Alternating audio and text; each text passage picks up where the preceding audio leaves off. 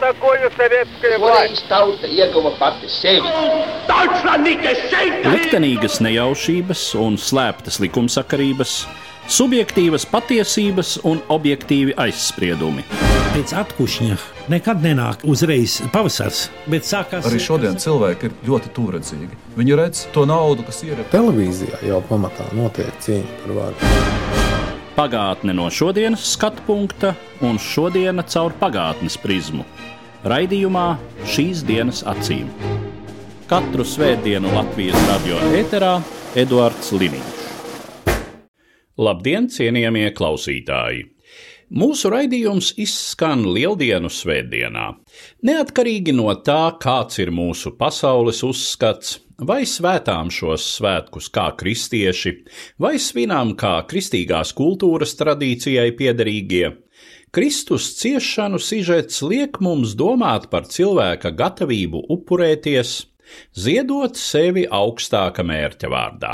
Tāpēc šodien vēlos atcerēties trīs vēsturiskas personības, kuru liktenim piemīt šis motīvs gatavība pastāvēt līdz galam par savu pārliecību un vērtībām. Kā pirmo šai trijotnē atcerēsimies ķikuļu jēkabu audēju no Blomes vidzemē un aktīvu hernhūtiešu kustības dalībnieku. Viņš tiek minēts kā pirmo zināmo latviešu laicīgo dzēju autors, lai gan viņa rakstītais tā nav lirika tradicionālā nozīmē. Tie ir dzējās atcerēti vēstījumi Krievijas imperatorei Katrīnai II, aprakstot vidzemes zemnieku grūto stāvokli. Šāda dzimtcilvēka vēršanās pie augstākās varas tolaik 18. gadsimtā tika uzlūkota kā nepieļaujama un sodāma atļaušanās. Ķikuļu jēkabu arestēja, nogādāja Rīgā un ieslodzīja cietumā, kur drīz pēc tam, apmēram 37 gadu vecumā, viņš mīra. Par ķikuļu jēkabu un hernhūtiešu kustību 18. gadsimta vidzemē stāsta vēsturnieks un brāļu draugs mācītājs Gundars Ceipe. Ķikuļu jēkabs raksturojot to laiku un latviešu zemnieku Viņš jau ir otrā hernhūtiešu paudze vai atmodas cilvēku paudze. Viņš ir piedzimis ap to laiku, kad tieši 1739. gadā Valmierā sākās šī milzīgā atmoda, kas ir ārkārtīgi daudz gaismas nesusi, spēka svētības Latvijas zemē un tautai. Un to mēs varam izsakot līdz pat valstiskuma dibināšanai, šo pēctecību garīgu 42. gadā izveidojās pirmās latviešu organizācijas, brāļu draugs, četras straupē, Liepā, Mārsnānos, Valmierā. 43. gada aprīlī viņš jau tiek aizliegts. Visiem hernhūtiešiem jāpamet ir Krievijas impērija, bet tas sprādziens bija noticis un tā pārmaiņa bija notikusi, un viņu vairs nevarēja apturēt. Un tajā laikā tāds tipisks zemnieks jau bija apgaismots zemnieks, Viņš bija aktīvs brāļu draugs, darbinieks un ar nešaubīgām literārām dāvanām. Caur nemieriem viņš kļuvis populārs un zināms, un arī pateicoties tam, ka 50. gados Maskavā arhīvā tika šie viņa teksti atrasti, mēs par viņu uzzinām. Bet tur bija milzīgi zemnieku nemieri, un tur ir tiešām desmitiem un simtiem tie vārdi un uzvārdi, kas parādās. Un tieši šajās cīņās viņš nebija tas aktīvākais. Un tas, no kā baidījās mužnieki, tieši no rakstīšanas baidījās, ka zemnieki nevien iemācījušies lasīt, bet arī rakstīt. Un tas mērķis bija sūdzības caram. Un apējot mužniecību, proti, 76. gadā troņmantnieks Pāvils brauc cauri vidzemē, un tur tās sūdzības viņam tika nodotas par ārkārtīgi lielu netaisnību, kas bija zemniekiem, un tās bija daudzas sūdzības. Bet viņš bija viens no tiem rakstītājiem, kas dzējas formā sūdzību rakstīja, un varbūt vēl piebilstot, ka latviešu valodā ķēzarienai, ka Pēterburgā tajā laikā diezgan daudz latviešu bija. Katrā ziņā Bīrons prata latviešu, tas jau agrāk, bet arī Skangaļa Jēkabs, kad raksta savu autobiogrāfiju, viņš min, ka Pēterburgas galmā latviešu valoda kalpu vidū tika lietota. Un katrā ziņā tas arī norāda uz tādu pašapziņu, ka viņš savā dzimtajā valodā raksta ķēzarienai, varbūt ar to domu, ka kāds arī viņai iztulkos. Un arī šajos senajos rakstos, kur arī pieraksta vēsturi, jau 18. gadsimtā latviešu zemnieki, viņi norāda uz valdiešiem, ka tie ir apstuļu pēcteči, saglabājušies un nes to garu, tad Jānu Husu un Husītu kustību, ko arī zināja latviešu zemnieki. Jau 18. gadsimtā, un tad caur Harnhūtu un atjaunotā brāļa draugu un pirmais misijas gājiens bija uz vidzemi 1729. gadā, kad Harnhūds dibinātais Kristians Dāvids šeit ieradās, kā pats izlūkot situāciju, ziņot draudzēji, un viņš teica, jā, ka šeit cilvēki nepazīst dieva žēlastību, nepazīst Jēzu Kristu, nesaprot evaņģēliju, un tur ārkārtīgi daudz cilvēku tāda sadarbība, Kampenhausens un ģenerāliena Hallarte un reizgrāfs Cincendorfs organizēja tā, ka vidzemes plāns tiek izstrādāts, kas ietver arī būtisku izglītošanu, lai paši zemnieki tālāk var zemniekus izglītot. Un pēc desmit gadu klātbūtnes šeit 1739. gadā notika atmoda, kas cilvēkus izmainīja. Un kodols tai atmodai bija īss. Šie vācu brāļi, kuri pakāpeniski kopā strādājot, Harnhūtieši iemantoja latviešu uzticību, pateica vienu teikumu, kas izmainīja visu tautas dzīvi. Un proti, ka Jēzus Kristus, Dieva dēls, ir arī latviešu pestītājs, ka viņš nav svešinieks latviešiem. Un latvieši viņa skarbajā, grūtajā liktenī, Kristus liktenī, netaisnīgi mocīts, viņš savu likteni varēja sazīmēt, un tad viņa bezgalīgi stipri pieķērās Jēzum Kristum. Šīs izpausmes racionāli grūti saprotams. Viņi tiešām nebaidījās no sodiem, viņi pat meklēja, lai tiktu sodīti arī, kad šie daudzie zemnieku nemieri vai cīņa par savām tiesībām iesākās, un kaut kādā veidā var teikt, ka viņi kļuva neuzvarami. Arī, piemēram, 80. gadu nemieros, tur mužnieku vidū bija pagājušas runas, ka nu tagad latvieši nāks dedzināt muižus uz Jāņiem, un tad viņi pazuda no savām muižām. Tā kā īsnībā tāds respekts un bailes no latviešiem visu laiku saglabājās. Latviešiem ļoti daudz ir ar vārdu pirmais šīs atmodas sakarā, un, protams, viņi palika Lutera luteriskās baznīcas locekļi, bet tā bija atmodas kustība, iekšbaznīcas pārnovadu, struktūrēta, un tā arī pirmā zināmā pieredze, kad latvieši paši organizējās kaut kādā kustībā, kaut kādās struktūrās, amatos, un varētu domāt, ka tām pirmām organizācijām ļoti primitīvām būtu jābūt.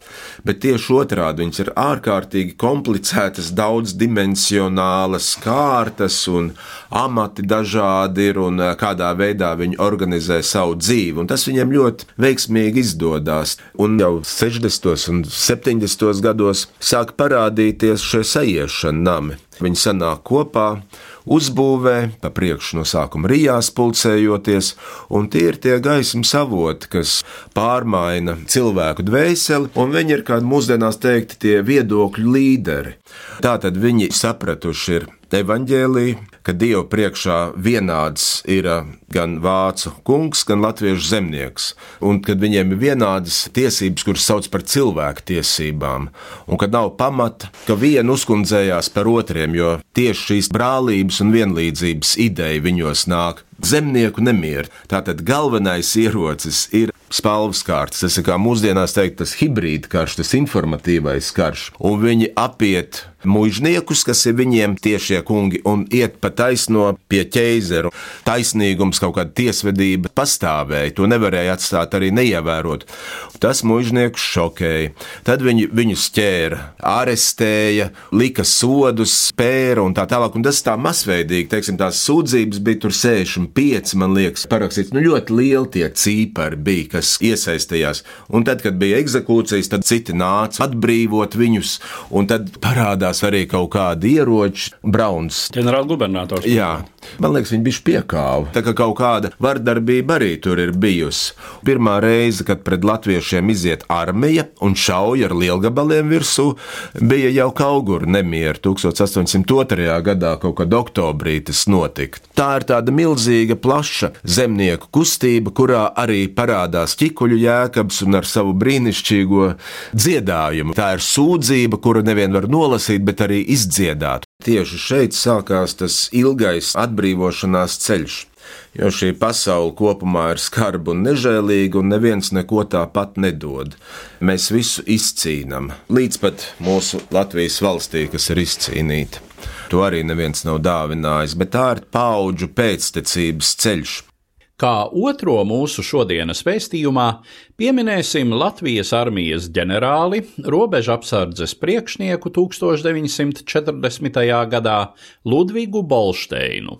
Viņš bija viens no tiem nedaudzajiem, kuri nespēja samierināties ar toreizējā Latvijas vadoņa Kārļa Ulmaņa īstenoto bezierunu pakļaušanos padomju okupācijas varai. Tā brīža apstākļos kāda reāla pretošanās nebija domājama, tāpēc ģenerālis Bolsteins izšķīrās nepiedalīties Latvijas brīvības demontāžā 1940. gada 21. jūnijā izdarot pašnāvību. Sarunā par ģenerāli Bolsteinu piedalās vēsturnieki Inese Dreimane un Juris Ciganovs. Ludvigs Bolsteins ir virsnieks, kas Tariskajā Krievijā vēl ieguva virsnieka izglītību, bet tur ir viena neliela nianse. Ludvigam Bošteinam bija arī civilā augstākā izglītība, proti, viņš bija pēc izglītības ķīmiķis.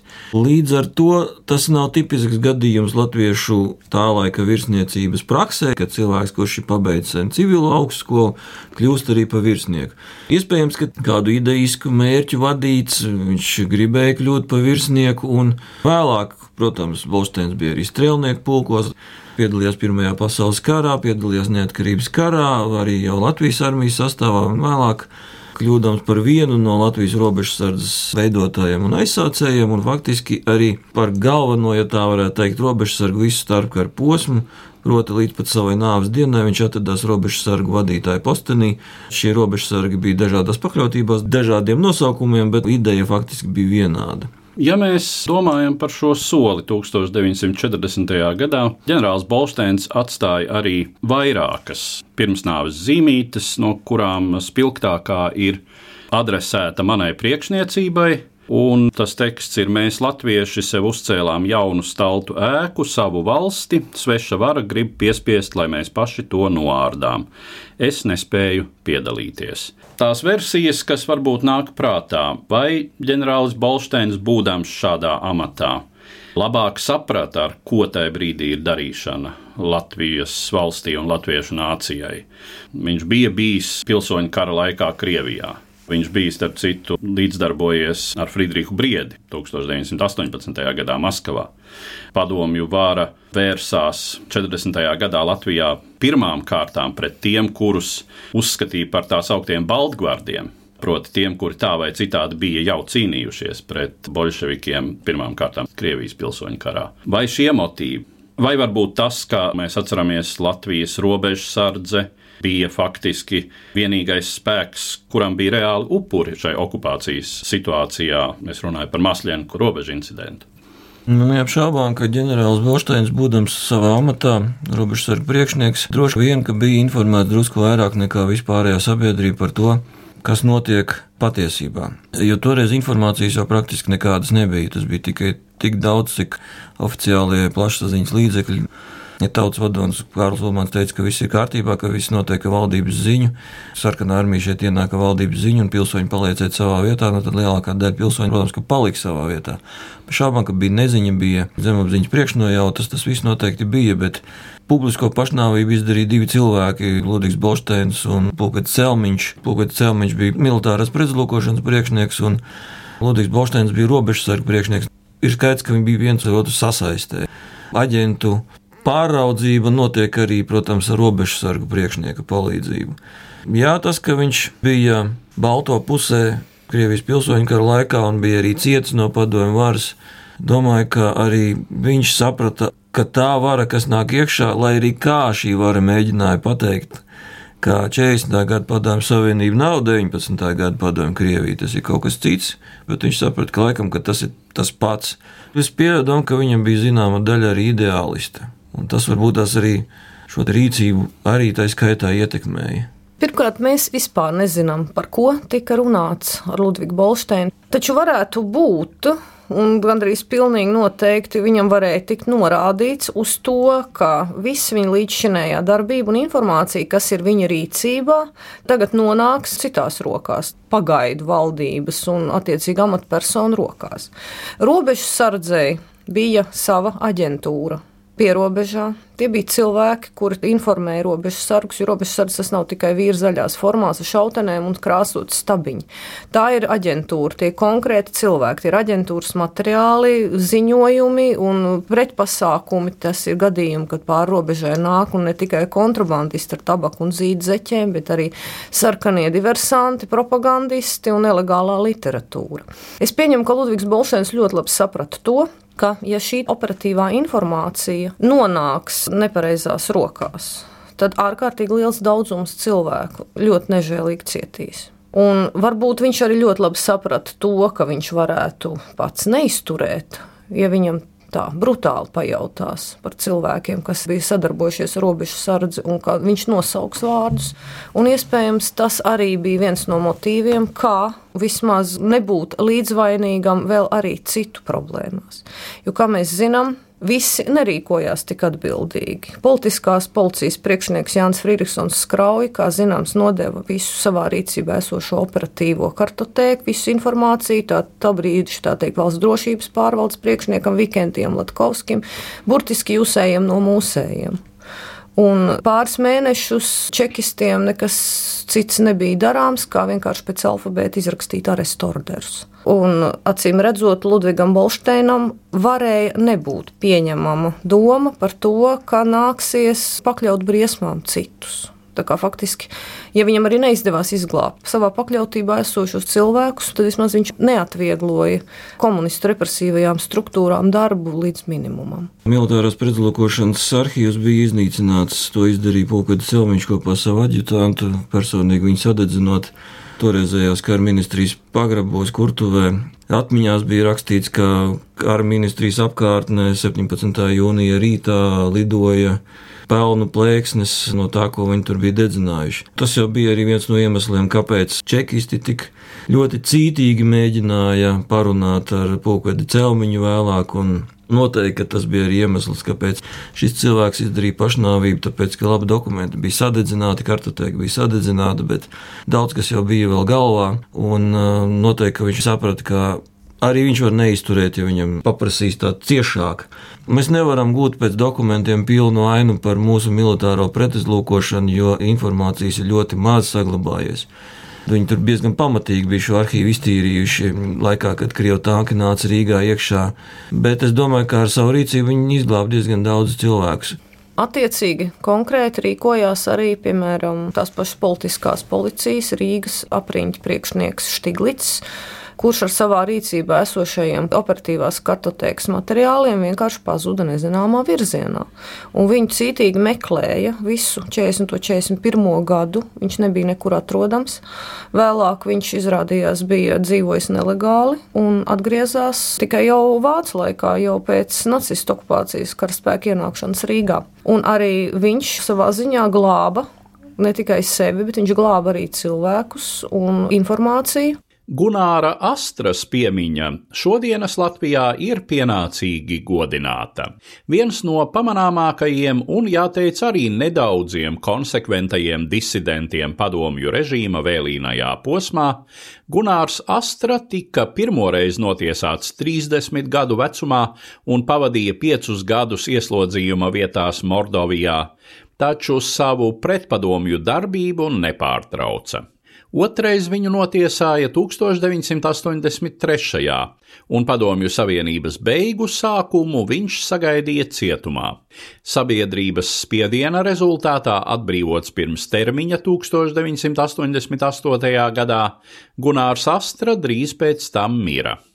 Par Gunāru Astru stāsta vēsturnieks un politiķis Ritvars Jansons. Gunāru Astru nevar dēvēt par tradicionālu disidentu.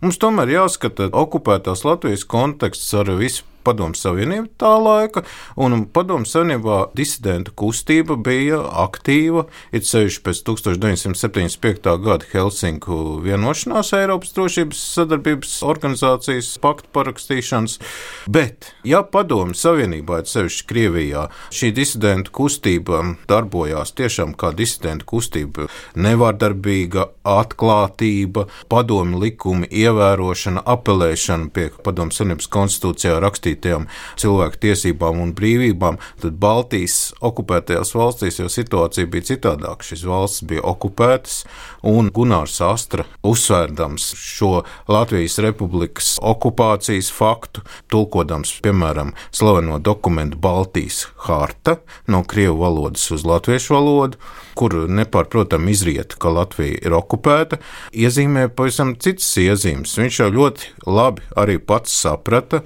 ka gan tā sauktās pretpadomu literatūras glabāšana, gan šīs Baltijas hartas tulkošana bija kaut kas cits. Tas nebija padomu likuma ievērošana, tas bija atgādinājums par Latvijas republikas valstiskumu un Latvijas valsts ideju, kas bija arī tajā literatūrā, kas tika pie viņa atrasta.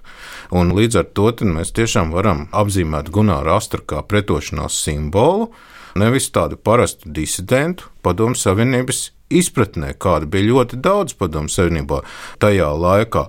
Bet es jau minēju šo Baltijas hartu, šo 48 Baltijas pretošanās dalībnieku un disidentu parakstīto dokumentu, kas 1979. gadā aicināja pasaules valstis, ANO dalībnieces it sevišķi PSRS, Vācijas Federatīvo republiku un Vācijas Demokrātisko republiku, kā Vācijas un PSRS pušu 39. gada 23. augusta Staļina-Hitlera pakta parakstītājs anulēt šo vienošanos, kas tika noslēgta 39. gadā. Tas nozīmēja atjaunot Baltijas valsts neatkarību. Un šeit es saskatu ļoti lielu Gunāra Astras lomu daudz svarīgāku nekā tā literatūra, ar ko iepazinās tikai daži cilvēki. Piemēram, ar eh, Astras glabāto Džordža Orvela romānu 84 vai Ulda ķērmaņa rakstiem vai Anšla Veglīša darbiem, bet Baltijas harta, ko viņš iztulkoja latviešu, tas bija ļoti liels Gunāra Astras nopelns. Protams, vēsturē viņš ies ar pēdējo vārdu tiesas procesā, kas ir tāds klasisks dokuments,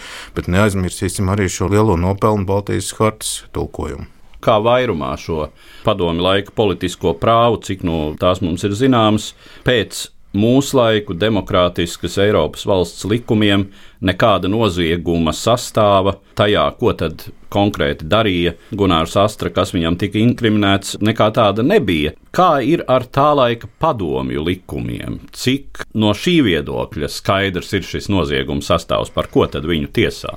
Ir šis Latvijas PSR krimināla kodeksa pants 61. par pretpadomu aģitāciju un propagandu, kas ir galvenais viņa apsūdzības pamats. Bet, ja mēs šo apsūdzību skatāmies stingri juridiski, tad lielākajā daļā šī apsūdzība nav pierādīta, jo, piemēram, par atsevišķu literāru darbu glabāšanu jau cilvēku arī pat pēc šī padomju krimināla kodeksa pantu nevarēja tiesāt. Stingri ņemot, tiesāt varēja tikai tad, ja tiešām cilvēks reāli ar nodomu šo literatūru izplatīja, izplatīja pēc padomu formulējumu melīgas izteicienas par padomju savienības iekārtu un propagandēja pretpadomu uzskats.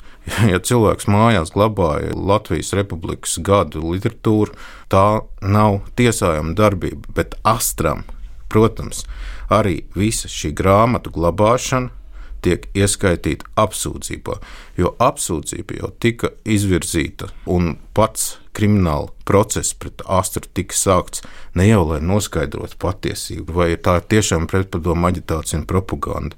Tur jāskatās Astras tiesāšanas un izmeklēšanas process daudz svarīgākā kontekstā, jo pirmkārt Astra un Gunārs Freimans nebija vienīgie. Visu 83. gadu notika Latvijā astoņu cilvēku āresti, no kuriem šie astoņi tika notiesāti, bet viens devītais ģenerālis Melngālis tika ievietots psihiatriskajā klīnikā. 83. gads bija ļoti grūts gads. Padomu Savienībai bija milzīga gan iekšpolitiska, gan ārpolitiska krīze, un galvenokārt ārpolitiska krīze, jo sakarā ar to, ka notika Amerikas Savienoto Valstu un Padomu Savienības kā divu pasaules lielvaru cīņa par strateģisko ieroču pārākumu pasaulē pēc 1979. gadā veiktās Afganistānas okupācijas, Korejas lidmašīnas notriekšanas dēļ tālajos austrumos 83. gada 1. septembrī Padomu Savienība nonāca pie tā, ka sarunas par strateģiskiem ieročiem 83. gada beigās tiek pilnīgi pārtrauktas un būtībā Padomu Savienība nonāk kara priekšvakarā. Tā arī tas ideoloģiski tiek konstruēts, ka starptautiskais saspīlējums ir milzīgs un valsts ir jāmobilizē visi resursi miera nosargāšanai pasaulē, kas izpaudās, protams, iekšpolitikas mobilizēšanā un militārā kompleksa arvien lielākā finansēšanā un koncentrēšanā. Un, lai nepieļautu šādā momentā, kad gan iekšpolitiskā, ekonomiskā krīze ir milzums samilzusi padomu savienībā, gan ārpolitiskā krīze ir saistīta ar strateģiskiem ieročiem, ar iespējamu bruņotu konfliktu. Neteiksim, Eiropā, bet iespējams trešajā pasaulē, kur padomu savienība atbalstīja dažādus režīmus Tad, lai nebūtu šī iekšējā pretošanās, iekšējā brīvdomība, arī 82. gads, 83. gads visā Padomu Savienībā ir raksturīgs ar to, ka valsts drošības komitejas darbinieki represē pašas svarīgākās personas, kuras varētu izrādīt pretošanos, un arī Latvijā. Un tā izskaidrojums šo deviņu cilvēku, tā skaitā Gunārs Astras represēšana cik liela bija Gunāra Astras un arī pārējo 1983. gada tiesāto nozīme Latvijas vēlāk neatkarības atjaunošanas procesā, un varbūt, ja jums tā būtu jānovērtē, cik viņu nopelni šodien ir adekvāti novērtēti mūsu sabiedrībā. Tā laika nopelns. Šie cilvēki parādīja, ka pat vispārējais apātijas, nolieguma apstākļos, kāds ir 80. gadu sākums, ir iespēja efektīvi izrādīt pretošanos nevardarbīgā veidā. Bruņots veids, protams, tas nav Staļina laiks, kad ir iespējama bruņota pretošanās pēckara gados. Tas bija vislabākais veids, kā modināt domu.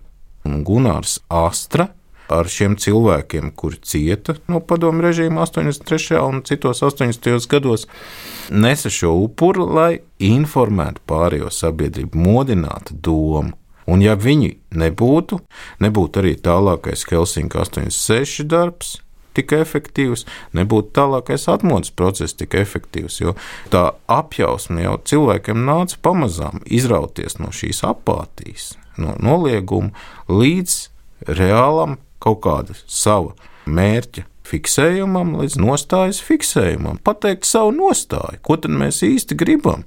Vai mēs gribam tikai brīvību, vai mēs gribam atjaunot Latviju. Tas ir nācis ļoti pamazām noformulēt tieši, ko mēs gribam. Līdz ar to mūsu šodienas raidījums izskan. Tajā dzirdējāt vēsturnieku un mācītāju Gundaru Ceipi, vēsturniekus Inesi Dreimani un Juri Ciganovu, vēsturnieku un politiķi Ritvaru Jansonu. Vēlot priecīgas lieldienas, šodien no jums atvados. Uz redzēšanos, cienījamie klausītāji! Katru svētdienu Latvijas radio viens par pagātni sarunājas Eduards Līniņš.